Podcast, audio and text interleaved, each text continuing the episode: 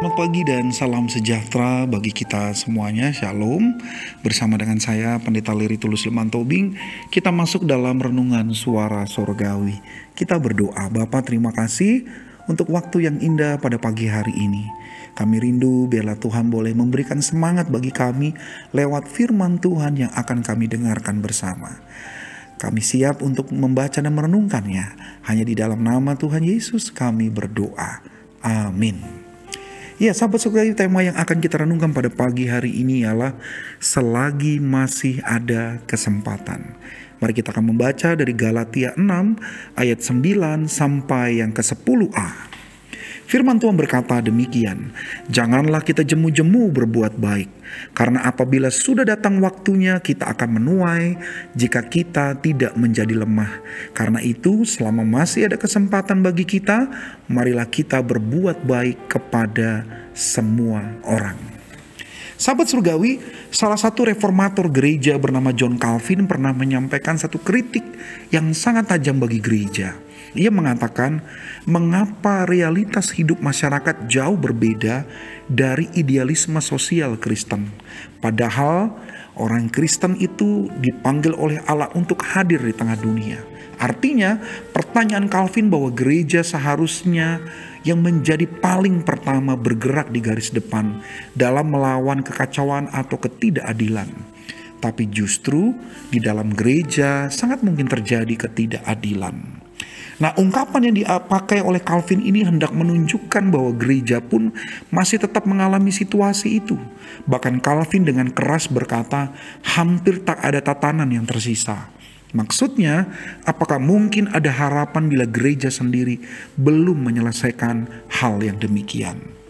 Itulah mengapa Calvin mencoba memberikan semboyan yang baru untuk dilakukan dalam hidup bergereja yaitu Ecclesia Reformata Semper Reformanda, yaitu gereja harus terus mereformasi dirinya dan selalu mereformasi bukan hanya bersifat spiritual atau rohani saja tetapi juga dalam hal kepedulian dan keadilan.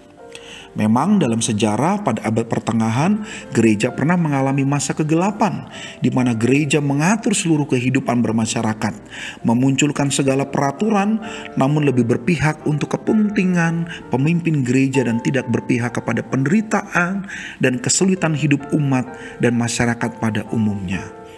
Itu mengapa pengajaran Paulus kepada gereja yang dilayaninya, salah satunya adalah Galatia, mendapatkan arahan dan petunjuk yang baik bagaimana bersikap kepada keadilan sosial, baik di sekitar gereja maupun di mana Tuhan menempatkan gereja.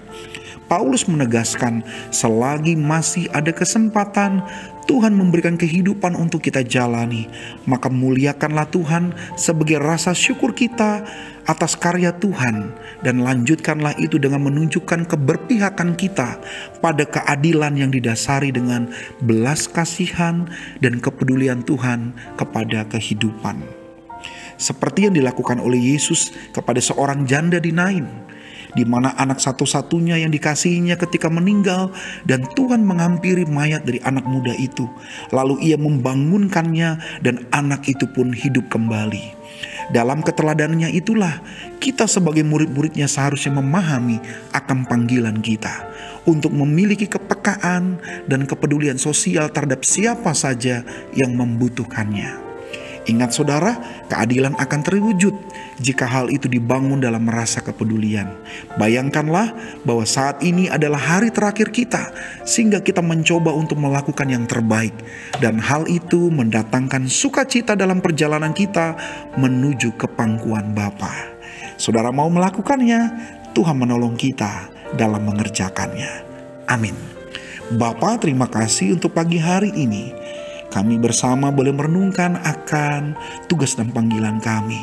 Selagi kami diberikan kesempatan oleh Tuhan di dalam kehidupan ini, kiranya kami juga dimampukan oleh Allah untuk mau berpihak di dalam memperjuangkan keadilan di tengah-tengah kehidupan. Tuhan menolong kami supaya kami punya hati yaitu hati Tuhan di dalam menyapa setiap orang yang membutuhkan kasih-Mu. Karena itu pimpinlah hidup kami lewat apa pun yang kami kerjakan di tengah-tengah kehidupan kami. Kiranya semuanya sungguh membawa kemuliaan Tuhan dan banyak orang merasakan kasih Allah lewat hidup kami masing-masing. Terima kasih Bapak, hanya di dalam nama Tuhan Yesus kami menyerahkan aktivitas kami di sepanjang hari ini agar semuanya menjadi ucapan syukur kami kepada Tuhan. Amin.